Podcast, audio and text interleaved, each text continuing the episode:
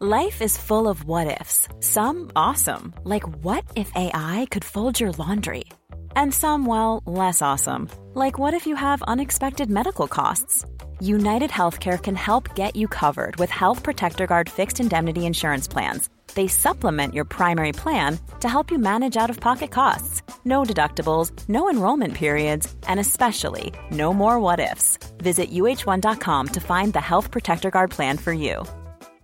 This is Paige, the co-host of Giggly Squad, and I want to tell you about a company that I've been loving, Olive and June. Olive and June gives you everything that you need for a salon quality manicure in one box. And if you break it down, it really comes out to $2 a manicure, which is absolutely insane. It's also so easy to get salon worthy nails at home with Olive and June. The difference between how your nails used to look when you did them yourself and now with the Manny system is a complete game changer. The best thing about Olive and June too is it's a quick dry, dries in about one minute, lasts for five days, and full coverage in up to one to two coats. Visit oliveandjune.com slash perfect manny 20 for 20% off your first system. That's oliveandjune.com slash perfect manny 20 for 20% off your first system. Ever catch yourself eating the same flavorless dinner three days in a row? Dreaming of something better? Well, HelloFresh is your guilt-free dream come true, baby. It's me, Kiki Palmer. Let's wake up those taste buds with hot, juicy pecan-crusted chicken or garlic butter shrimp scampi. Mm. Hello Fresh. Stop dreaming of all the delicious possibilities and dig in at HelloFresh.com. Let's get this dinner party started.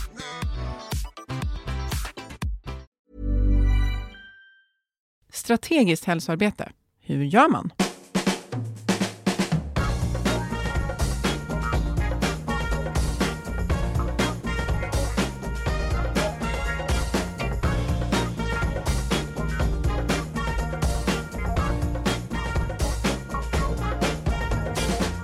Det här är Health for Wealth, en podd om hälsa på jobbet.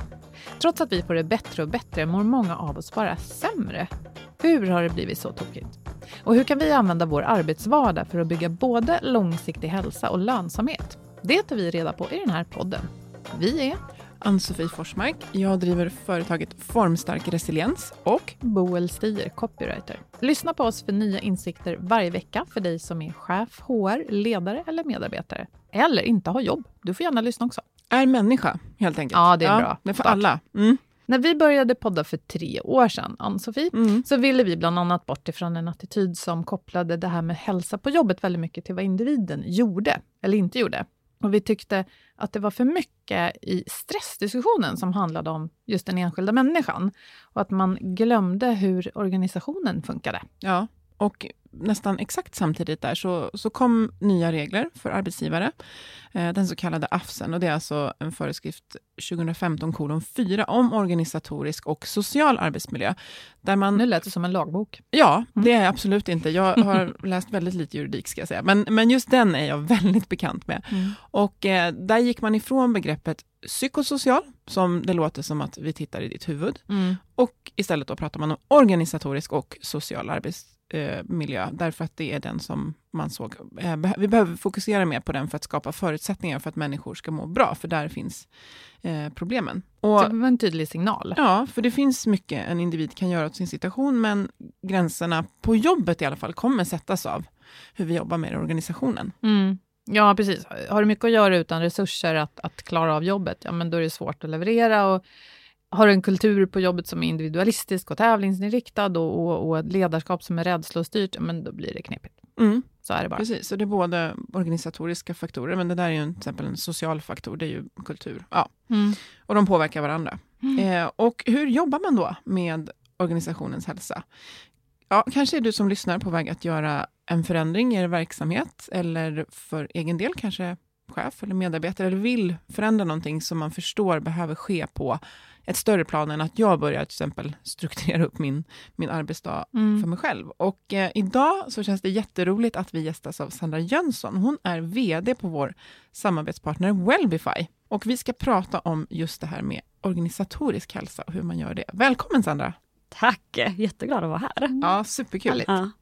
Ni jobbar i, i- med Wellbify för, med hälsa för både HR, ledare och medarbetare. Och ni har ett mätverktyg som heter Health Analytics. Ni hjälper organisationer att göra hälsobokslut. Så ni är inne och jobbar med, med hälsofrågan stort och brett i organisationen helt enkelt. Stämmer det? Ja, men det stämmer. Eh, vi har en, eh, vi attackerar egentligen hälsa på ett rätt så brett sätt, för det egentligen, hälsa är rätt så brett och mm. komplext, så vi försöker egentligen göra det breda och komplexa mer tydligt och eh, i organisationen och hur man kan arbeta det på olika sätt då egentligen. Men då är du den perfekta personen att ställa den här frågan till då. Om, jag tänker om du skulle ha en ledare framför dig som, är, som vill göra en sån här förändring och tänker, men herregud, organisationen, det är så stort, hälsa är komplext som du säger själv, vad ska man börja med? Mm. Ja. ja, men precis. Vi tipsar ju om egentligen, först behöver man bli medveten, för det är där vi ser också största utmaningen är, att väldigt få organisationer har förståelse kring vilka aspekter och faktorer som faktiskt påverkar välmåendet. Så vi, brukar, vi utgår ju från egentligen WHOs definition kring hälsa, så egentligen människans upplevda fysiska, psykiska och sociala välmående. Och det är fortfarande väldigt brett mm. egentligen. Ja, och den är ju väldigt utopisk, alltså ja. man tittar på att, hur bra det ska vara, och vi vet ju att det ofta, ja det är lite utmaningar ofta, någon del. Mm. Ja, ja, men absolut. Och där nedanför så egentligen synar vi ytterligare KPI egentligen, kring välmåendet på och olika sätt. det är nyckeltal Nyckel... av olika slag som man mäter? Ja, men precis, nyckeltal. Och det kan vara allt ifrån engagemang som är väldigt mycket på tapeten just nu. Um, men det kan också vara medarbetarskap och ledarskap och personlig utveckling, vilket som är väldigt viktiga delar i välmåendet hos mm. en mm. människa. Så att mm. börja mäta är en sak. Och då, det är klart, då kan man med hjälp av det ta reda på hur är det nu? Uh, och jämföra det med något slags önskat läge kanske. Mm. Men jag tänker också att, att genomföra en sån här förändring kan ju också innebära att man behöver övertyga eh, en ledningsgrupp, eh, sina chefskollegor, ja, eller att man som medarbetare behöver peta på rätt chef att få något att hända. Mm. Mm. vad tycker du där? För jag menar, ibland så brukar vi säga det att hårda fakta och siffror är det som funkar bäst om man inte jobbar med hälsa till vardags. Mm. Ja, men så är det. Alltså nyckeltal, och det kan vara ekonomiska nyckeltal. Mm. Är du duktig på att räkna? Och det finns mycket hjälpmedel där redan att ta. Eh, men eh, personalekonomi överlag och kunna egentligen följa det ekonomiska värdet med det mjuka värdet och kunna visa för ledningsgrupp till exempel. Mm. Men jag ser också, är det svårt att göra vissa förändringar om du sitter på en HR-roll eller en ledarroll och du märker att det är tungrot och du, de, du inte får gehör för vissa frågor. Alltså då kommer jag vara lite krass och säga byt organisation. För är de väldigt mycket ett reaktivt tänk, så tar det lång tid innan de verkligen förstår mm. hur de ska hamna egentligen i det främjande och det proaktiva tänket. Mm. Om man brukar säga, sätter man folk i ett rum i lugn och ro och folk kan vara närvarande och så presenterar man argument för att göra såna här typer av insatser och sånt här arbete och man har, vill man prata om vad man ska göra och de flesta är med och sen är det så svårt att gå till handling i det här, mm. att, att, att liksom faktiskt omsätta det här i praktik. Hur, hur, hur ser du på det? För det möter väl du också gissar jag att det är, mm. ja det är klart det här är viktigt, nu, nu ska vi göra någonting och mm. sen, ja. Ja men precis. I praktiken, alltså det, dels handlar det här på en, egentligen en om det är en organisatorisk nivå så kan det här betyda att man behöver göra en kulturförändring mm. egentligen också. Eh, vad har vi för värdegrunder och stämmer det här faktiskt överens med verkligheten? Bara en sån grej att egentligen lite vända upp och ner på eh, sina egna perspektiv eller se, se organisationen i andra ögon och samla information den vägen. Men praktiska arbete, det beror ju egentligen på vilken utmaning det är. Vi försöker med våra verktyg kunna gå ner på detaljnivå. Kan vi se att en en avdelning har en avsaknad av stöd från sin närmsta ledare till exempel. Ja, men okej, då behöver vi jobba med det här i det här teamet. Då behöver ju den ledaren kanske få mer hjälp och stöd i den frågan också från kanske HR eller någon som har väldigt duktig, är duktig på det området. Mm. Um, så det, det, är svårt att hitta det här perfekta receptet för alla, så är det. Um, men att bara ha ett fokus på att egentligen människorna kommer först och uh, att se egentligen medarbetaren som en stark tillgång i organisationen. Mm. Det är egentligen nummer ett skulle jag säga. Mm. mm. Utan det blir Så. det ju svårt att, att få förståelse och förankring på något sätt. Men det är ju många mm. som, det är så det ser ut. Det är ju, mm. det är men jag skulle vilja stanna lite vid hur det ser ut. För du sa något tidigare Sandra, att medvetenheten inte alltid är så hög. Samtidigt har vi suttit här, eh, Ann-Sofie med jämna och, och tycker att liksom, ah, det ändå har hänt någonting under tiden vi har poddat. Att man pratar mer om hälsa och work-life balance pratade vi om mm. nyligen.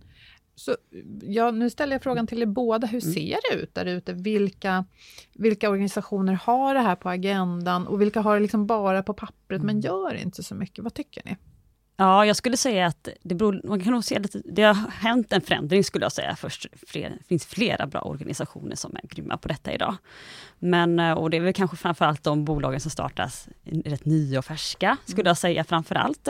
Men också gärna, man kan se till tydlighet i kanske olika branscher. Inom techbranschen så är man väl rätt, rätt duktig på det här på olika sätt och anammat det. Men sen så finns det ju stora, fortfarande utmaningar kring många traditionella bolag framförallt som har också väldigt, väldigt många anställda.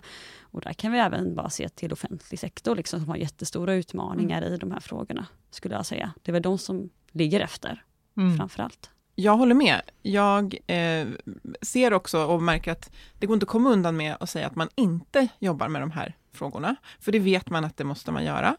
Sen lägger man väldigt mycket alltså olika i det beroende på hur mogen själva liksom ledningsgruppen är. Och sen, som du nämnde med offentlig sektor, det, jag blir helt, alltså det bara kliar i fingrarna och blir så frustrerad, för där finns det så mycket, jag tänker när vi hade Anders Jorén och han beskrev att men, stora arbetsgrupper, Ja, alltså en chef som leder Fler än 30. Ja, precis. Det är som att be om långtidssjuk. Och, och så är det ändå så det ofta ser ut och man tänker att det fin- man har inte råd med, ja du vet, och sen så, men någonstans så kostar det ju ändå i och med att det liksom inte blir hållbart eh, hälsomässigt så. Så det finns, det verkar vara så otroligt trög, eh, trögrörligt att göra investeringar och precis som du beskriver så handlar det ofta mycket om kultur eh, förflyttning, vilket ju inte betyder att man måste köpa in en stor maskin, men man behöver investera tid och ta hjälp av partners som har kunskap om det här. Men om vi stannar till där då. För att när vi började podda var vi lite trötta på att man såg hälsoarbete som löpning på lunchen, morötter i köket. Ja, så. Mindfulnesskurs. Ja, enstaka aktiviteter, alltid kopplat till individen. Utan vi ville prata om hela organisationen. Nu har jag ett tecken i tiden här, ska jag se vad ni tycker om det. Att eh, olika HR-roller tror jag har ibland fått heta så här culture officer. Mm. Är inte det ett tecken på att någonting händer? Absolut, Culture and People brukar de ibland heta. Ja. Eh, och eh, det tänker jag också, men sen är jag ju lite också skeptisk till alla de här titlarna. Det betyder ju någonstans, kan det vara en för- förklädnad på verkligheten? Eh, och det är likadant som jag brukar se på employer branding. Det kan vara, man kan vara skitduktig på att visa hur, vad man går för utåt sett. Men stämmer det överens Mm. med verkligheten? Det är det jag ställer mig frågan. Just det. Men- så kan en sån här kulturperson vara anställd för att frisera bolagets yttre bild lite. Ja men absolut så skulle det sen, ska, sen behöver det ju absolut inte vara så i alla fall och jag tänker absolut kan ju egentligen en titel också ehm, påverka processerna att vi går mot faktiskt en förändring. Det tror jag att Mm. börja, man börjar prata om det på något sätt. Men jag, jag, nu bara någonting jag reflekterar nu, att det här att man börjar prata mer om typ culture officer, att det känns lite som att det har, det har huggit på den här engagemangs, den här gallupundersökningen, att Mm. ingen är engagerad. Det känns som att den griper efter att lösa det där. Att om vi börjar prata om att vi jobbar med kultur, då blir folk mer engagerade. Att det går på Mm. det, det kommer in, kanske inte så mycket sprunget ur, ur, ur hälsa. Hur, vad, vad tror du? Ja men absolut, det tror jag nog. Eh, och eh, vi har väl väldigt, vi har väl överlag och genom tid om vi kollar på det, väldigt svårt att, att anamma hela hälsobegreppet. Och då blir det att vi försöker hitta vissa delar. Och jag tror också det är farligt att vi bara hamnar i engagemang. Mm. Eller det ena, utan att faktiskt kunna se helheten någonstans. För det är lite det som man behöver göra. Engagemang är ju inte lösningen, det betyder inte att man har bra hälsa för det. Nej, du kan ju vara jätteengagerad och jobba ihjäl dig för att det är så kul, till exempel. Då. Mm. Ja men absolut, och något som jag tycker, vi pratat lite lite om är det här med kreativitet, att det har en väldigt stor också effekt på hälsa, organ- Få utlopp för det, tänker du? Eller? Ja, att man Mm. har arbetat för en, vara en kreativ organisation. Mm. Men vad roligt, hur definierar du det och vad tror du att organisationer skulle behöva göra för att närma sig? Mm, ja men precis. Där, det är återigen eh, kultur är strukturer. Eh, Alltså, du var också inne på det här hur man egentligen strukturerar grupper och liknande. Man kanske inte ska vara som ledare, ha för många att hantera. Det är också ett praktiskt sätt att bara, okej Mm. vad behöver vi göra? Ja, men Mm. skär ner kanske. Ska Mm. vara så stora team eller hur ska vi samverka? Men eh, kreativitet, det, det kommer ju egentligen if- utifrån eh, högre empowerment och möjlighet att kunna egentligen kunna påverka. Hög tillit till varandra. Eh, men också skapa sektioner, om man ska vara lite praktiska, där man kanske faktiskt också mm, ha gränsöverskridande lärande mellan olika enheter. För någonstans är vi alla och samma process. Mm. Och hur ska vi kunna egentligen... Så det jag gör påverkar något annat, så jag behöver någonstans ha inblick och förståelse kring det. Mm. Alltså det, det, det slog mig i morse, ni vet så här, ibland när något gammalt minne bara poppar upp och man förstår inte var det kommer ifrån. Och, eh, just från en, en när eh, jag jobbade tidigare och man skulle, vi skulle bygga om till just aktivitetsbaserat. Och jag var i en diskussion bara någonstans där med någon, så, ja men det de inte förstår, det är ju att, och just det här, det är så typiskt det här igen, ja men det de där inte fattar, De där andra. Ja, och jag tänker det är just det här att vi, vi, som säger, vi är egentligen i en och samma process. Jag tänker man går över till aktivitetsbaserat kontor till exempel, så skulle man ju verkligen få prata med alla som man kallar för dem, i ett lugnt forum där man ser att vi har samma syfte, för det blir gränsöverskridande och jag börjar förstå hur du har det. Och eh, apropå just kreativitet så handlar det om att hjärnan behöver få den behöver få ha det ganska lugnt för att kunna vara kreativ. Lugn, trygg, känna tillit, ha ett tydligt syfte och ramar. Och ett utrymme Ja. att fatta egna beslut. Och det är då vi Mm. utvecklar verksamheten. Just det. Mm. Och det här måste man ju då bygga med någon typ av struktur, Mm. som du säger. Kanske inte vara för stora grupper Mm. på en eh, ledare, eh, men också genom någon typ av beteende som man då Ja, signalerar olika. Ja men precis, jag tror att som organisation ska man våga lägga tid på detta, för det är oftast det. Vi, eh, generellt så kan det också vara utmaningar ibland att bara våga lägga tid på samtal och dialog, vilket är jätteviktigt. För någonstans är det det långsiktiga och man tjänar så mycket på det. Så likadant om vi ser på kreativitet så tror jag det är väldigt viktigt att skapa då arena för detta. Och det skulle kunna vara att en gång i månaden så kör vi eh, casebaserat eh, workshop med varandra, Mm. där man sammansätter olika personer från varje team. Och så får man eh, lyfta upp en utmaning som man har just nu, eller faktiskt kanske bestämt sig, nu ska vi lösa detta. Och så presenterar man det kanske i olika grupper sen, och sen så utgår man från det. Det låter som en jätterolig dag på jobbet. Eller och hur? det är hälsa. Mm, att du, få känna att man löser väl- problem. Du sa ju tidigare att techsektorn är lite bättre på att eh, liksom, ta in hälsa i organisationen. Här är ju techsek- techsektorn eh, också bra på det här med hackathons. Alltså Mm. Ja. att man samlas och så tvärs olika grupper. Precis.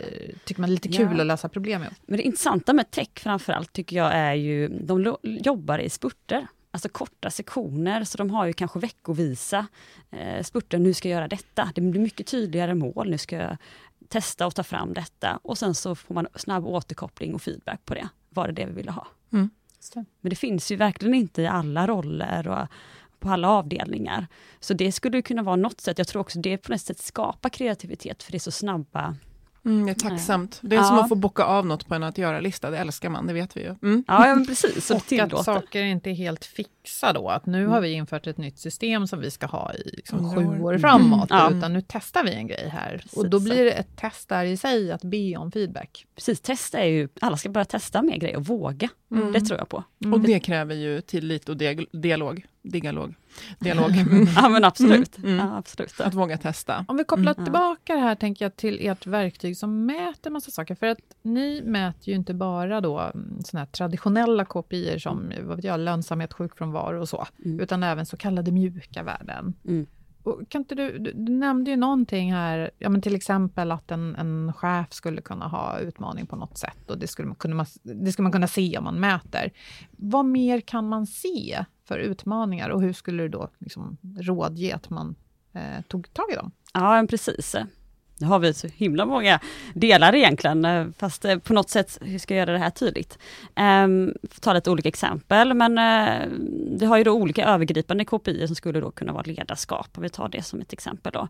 Och uh, då kan det vara uh, feedback som finns en avsaknad av, till exempel i ett team. Och då är det ju för den ledaren, okej, okay, hur kan jag arbeta mer med det här? Och det vi ser är ju att uh, vårt verktyg har ju också skapat en ökad dialog hos våra kunder. Och det är det som är det fina med det någonstans. att det här verktyget kan ju inte, gör ju inte så att man slutar prata med varandra, utan det snarare skapar att man kan fokusera dialogen på rätt ställe egentligen. Okej, okay, hur ska vi jobba med feedback då? Vilken typ av återkoppling vill du ha? Då har vi sett att det har kunnat liksom påskynda den processen. Just också lite ha ett individ eller vad heter det, situationsanpassat ledarskap. Mm, mm. För det är också en viktig del i det hela. Uh, och, och har man det så måste man också utgå från varje team och också varje individ, vad de har för behov. Mm, just det. För det kan ju också i sin resa, beroende på ålder, erfarenhet och person, så har man lite olika eh, behov av feedback. Exempelvis i början så kanske man vill ha det lite oftare, för man eh, som ny så är jag lite osäker på mitt arbete. Nu är det viktigt att sånt kommer fram, mm. men framförallt också på vilket sätt jag vill ha det. Um, och det och kanske man inte vet om man inte får fundera på det? Nej men precis. Nej. Och det är ju mm. återigen, det är att testa sig fram. Uh, och det kan ju, det förändras, allt är ju förändligt, så det förändras ju över tid också. Mm. Och då blir det ju i våra system blir det ju rödmarkerat till exempel, om här behöver ni göra någonting, för att förenkla den biten egentligen. Mm. Så det är ledarskapsfrågor, feedback. Mm. Några andra mätvärden som du tänker kan vara en indikation på vad man kan påbörja en förändring? Ja, men så mäter vi även eh, ja, men teamet i sig. Alltså du som medarbetare har ju jättestort ansvar att kunna bidra till eh, kulturen och även vara en stöttepelare till alla dina kollegor och liknande. Så någonstans är det för oss också viktigt att ge tillbaka datan eller informationen till medarbetaren, så det inte bara blir att eh, medlemmar tänker att det här ska lösas på HR-nivå eller mm. ledarskapsnivå. Jag behöver inte göra någonting. Mm. Utan det ska ju någonstans integreras för alla ställen. Mm. Um, så någonstans ge tillbaka makten till dem. Uh, så där, av den anledningen så mäter vi också då men det kan vara samarbetsförmåga, hur man upplever den, hur hanterar vi konflikter och liknande. Och sen så har vi, vi utgår ju från den fantastiska KASAM-modellen. Mm. Uh, så vi har ju som övergripande uh, egentligen eh, punkter så är det ju hanterbarhet, begriplighet och meningsfullhet som mm. vi har. Då. Och under det så finns det en del olika mm. delar egentligen. Mm. Och vi vet ju att har man de bitarna på plats så mår man bra. Alltså det är friskfaktorer. Mm. Vi har ju pratat mycket om KASAM-modellen, vi kan bara skjuta in att det handlar om ett salutogent perspektiv, alltså leta efter det som håller oss friska snarare än att reparera det som är sjukt. Mm.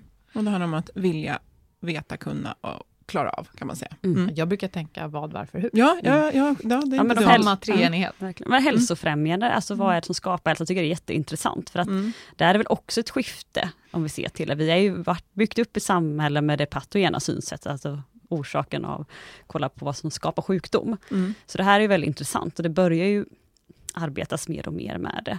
Men eh, jag vill också lyfta upp att våga arbeta med det här frisknärvaro och använda, använda det som en term. Mm. Det är en del egentligen det salutena synsättet. Ja.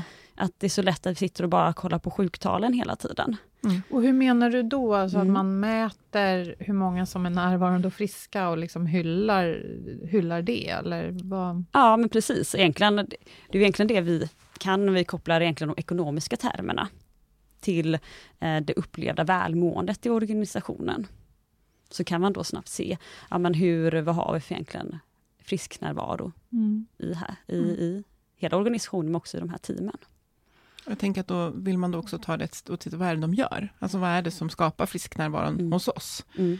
Um, tänker jag är ju väldigt intressant, men det blir oftast, det är lättare att, ja, men jag tänker lite som att när man blir sjuk, men det var det där jag åt igår, mm. och sådär, men vad var det som höll mig frisk idag? Det är så många faktorer, men, men kan vi hitta dem och jobba med dem, så är det alltid roligare än att ja, svartgul tejp, här, här är risk för olika. Så. Och så gör det väl någonting med oss psykologiskt också, om vi tittar på det, alltså förstärker det positiva.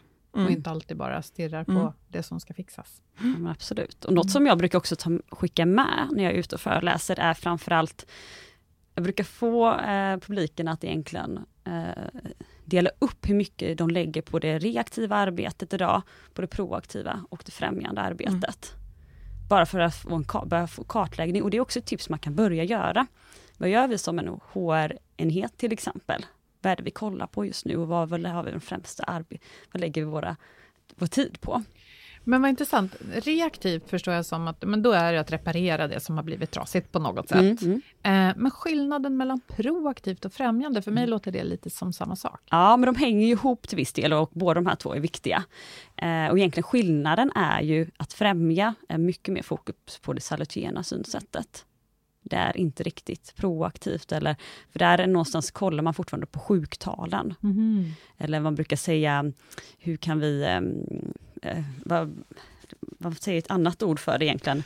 Vart lägger du förebyggande på den här skalan? För den, jag tänker, Ja, jag, jag, förebyggande, det är proaktivt. Det, Det- vet ja, jag. det är det var så. det ordet Ja. jag letade efter. Ja, för jag tänkte säga, jag tror Ja. vi menar samma Ja. sak, Mm. men jag, vänta, ja, precis, Ja. för ofta säger man ju precis reaktivt, någon har blivit sjuk, Ja. förebyggande, här finns det risk. Okej, så här, Eh, ja. i, i den Ja. förebyggande mittensektorn där, där förebygger man sådana problem man har sett att man historiskt har haft. Så då utgår man också från, så att säga, det sjuka, men man ligger före. Mm. Men främjande, där vill vi bara skapa hälsa. Även Ja. om alla mådde jättebra, skulle vi fortfarande Mm. vilja skapa Ja. hälsa. Mm. Mm. Precis. Mm. Men då förstår jag. Mm, det är egentligen det, och de går ju hand i hand väldigt Ja. mycket, de flyter lite sakta sagt ihop.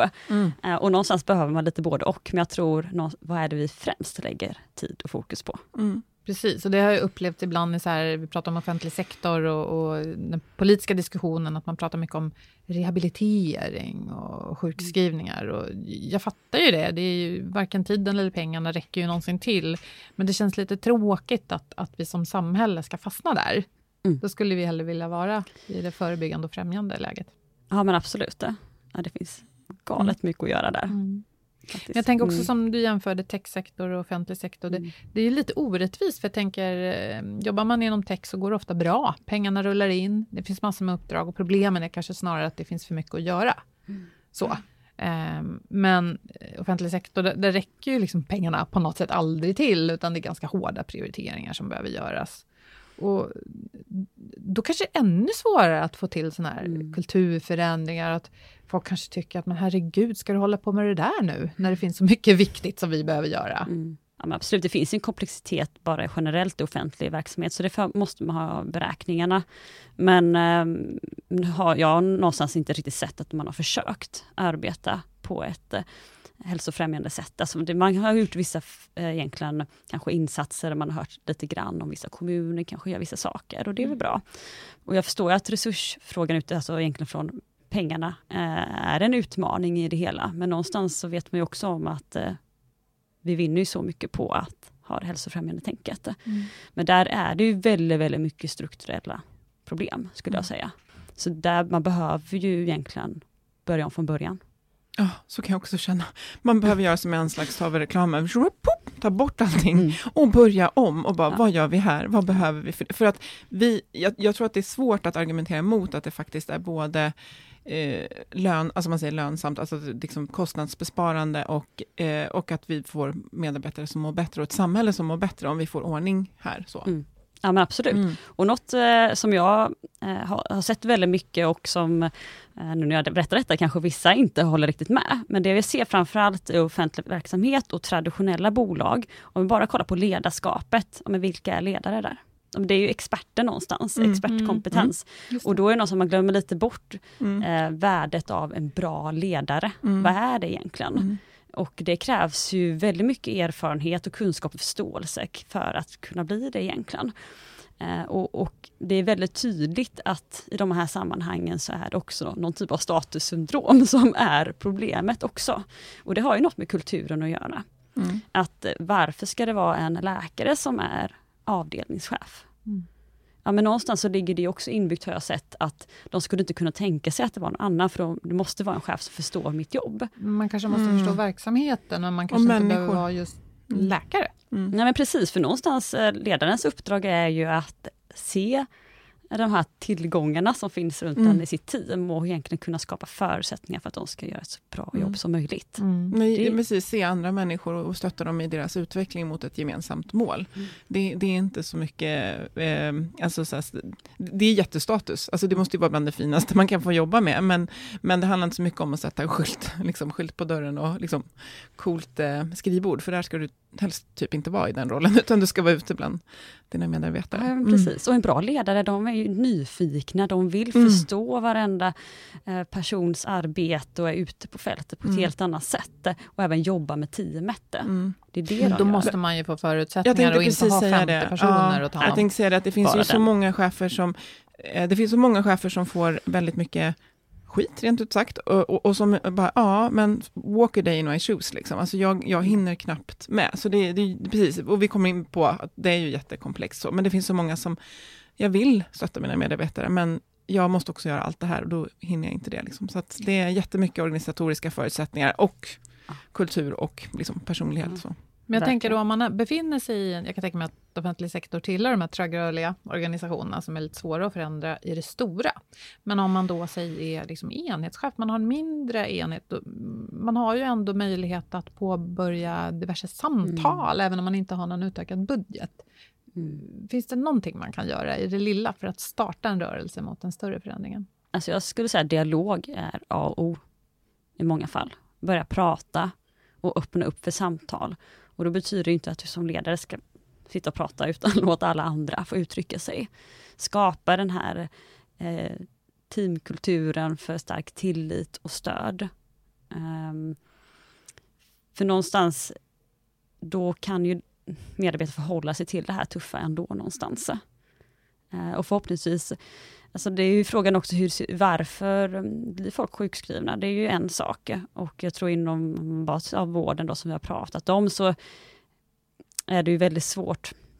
Alltså de jobbar kanske väldigt, väldigt mycket, men det kan ju också vara andra faktorer som vi inte ser där. Det behöver ju inte alltid vara det. Så kan vi stärka de här delarna eh, som har med det andra egentligen att göra, eller hur kan vi effektivisera våra team och hur vi arbetar?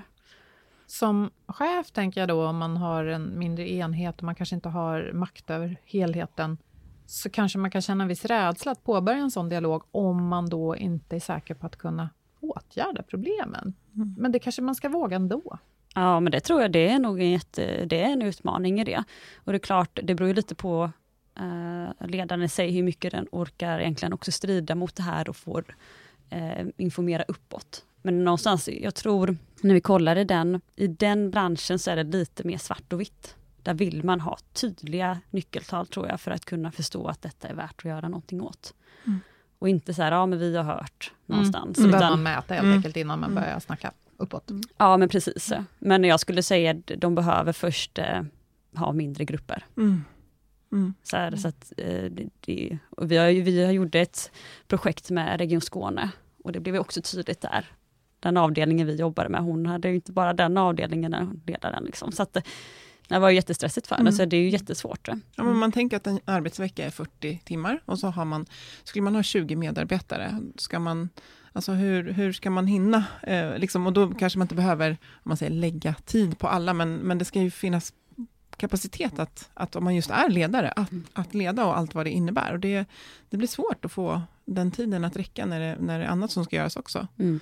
Så ja, Mm. ibland är det... Men våga tydliga- inleda, inleda dialog i alla Ja. fall, tänker jag. Och har Mm. man inte möjlighet att göra egna mätningar just idag så kan man ju alltid... Det finns mycket undersökningar och många...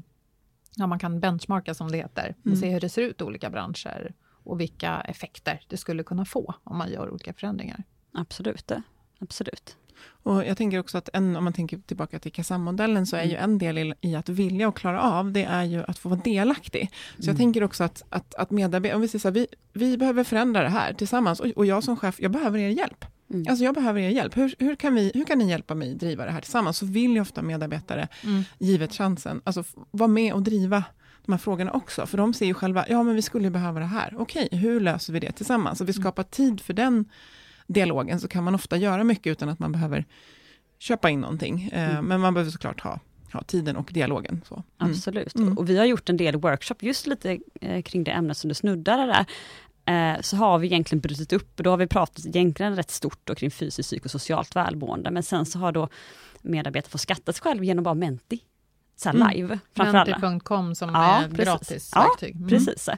Eh, för att just där då egentligen skapa dialog. Mm. Och sedan så har vi mm, därefter eh, sagt, vad, kan du, vad behöver du själv göra för att stärka detta? Vad kan du göra mot dig själv? Och vad hade du önskat att du, du fick från dina kollegor för att stärka detta? Och vad har du önskat för organisationen för att stärka detta? Mm. Så pratar man i grupper kring det och delar med sig av sina tankar. Och det är ju någonstans också för att få in alla de här nivåerna och framförallt ansvaret hos varje individ och få med Mm. den personen i den här resan också.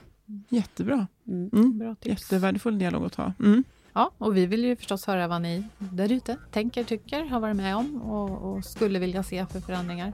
Och dela gärna med er av tips på sånt som ni har eh, ja, gjort själva, andra har gjort som ni har blivit inspirerade av. Ja, tack så mycket Sandra för att Ja. du kom hit idag.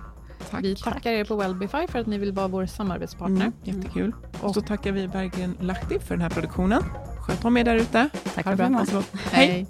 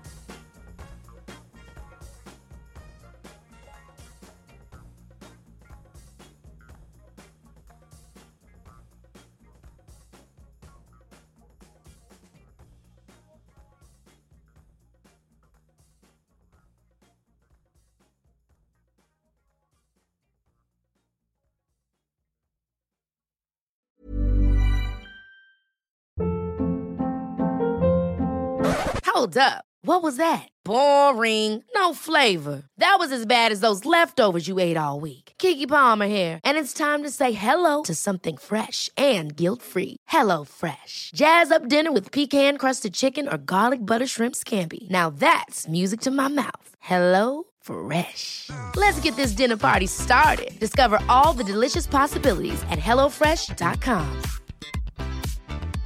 Hey, it's Paige DeSorbo from Giggly Squad. High quality fashion without the price tag. Say hello to Quince. I'm snagging high-end essentials like cozy cashmere sweaters, sleek leather jackets, fine jewelry, and so much more. With Quince being 50 to 80% less than similar brands. And they partner with factories that prioritize safe, ethical, and responsible manufacturing. I love that. Luxury quality within reach. Go to quince.com slash style to get free shipping and 365 day returns on your next order. Quince.com slash style.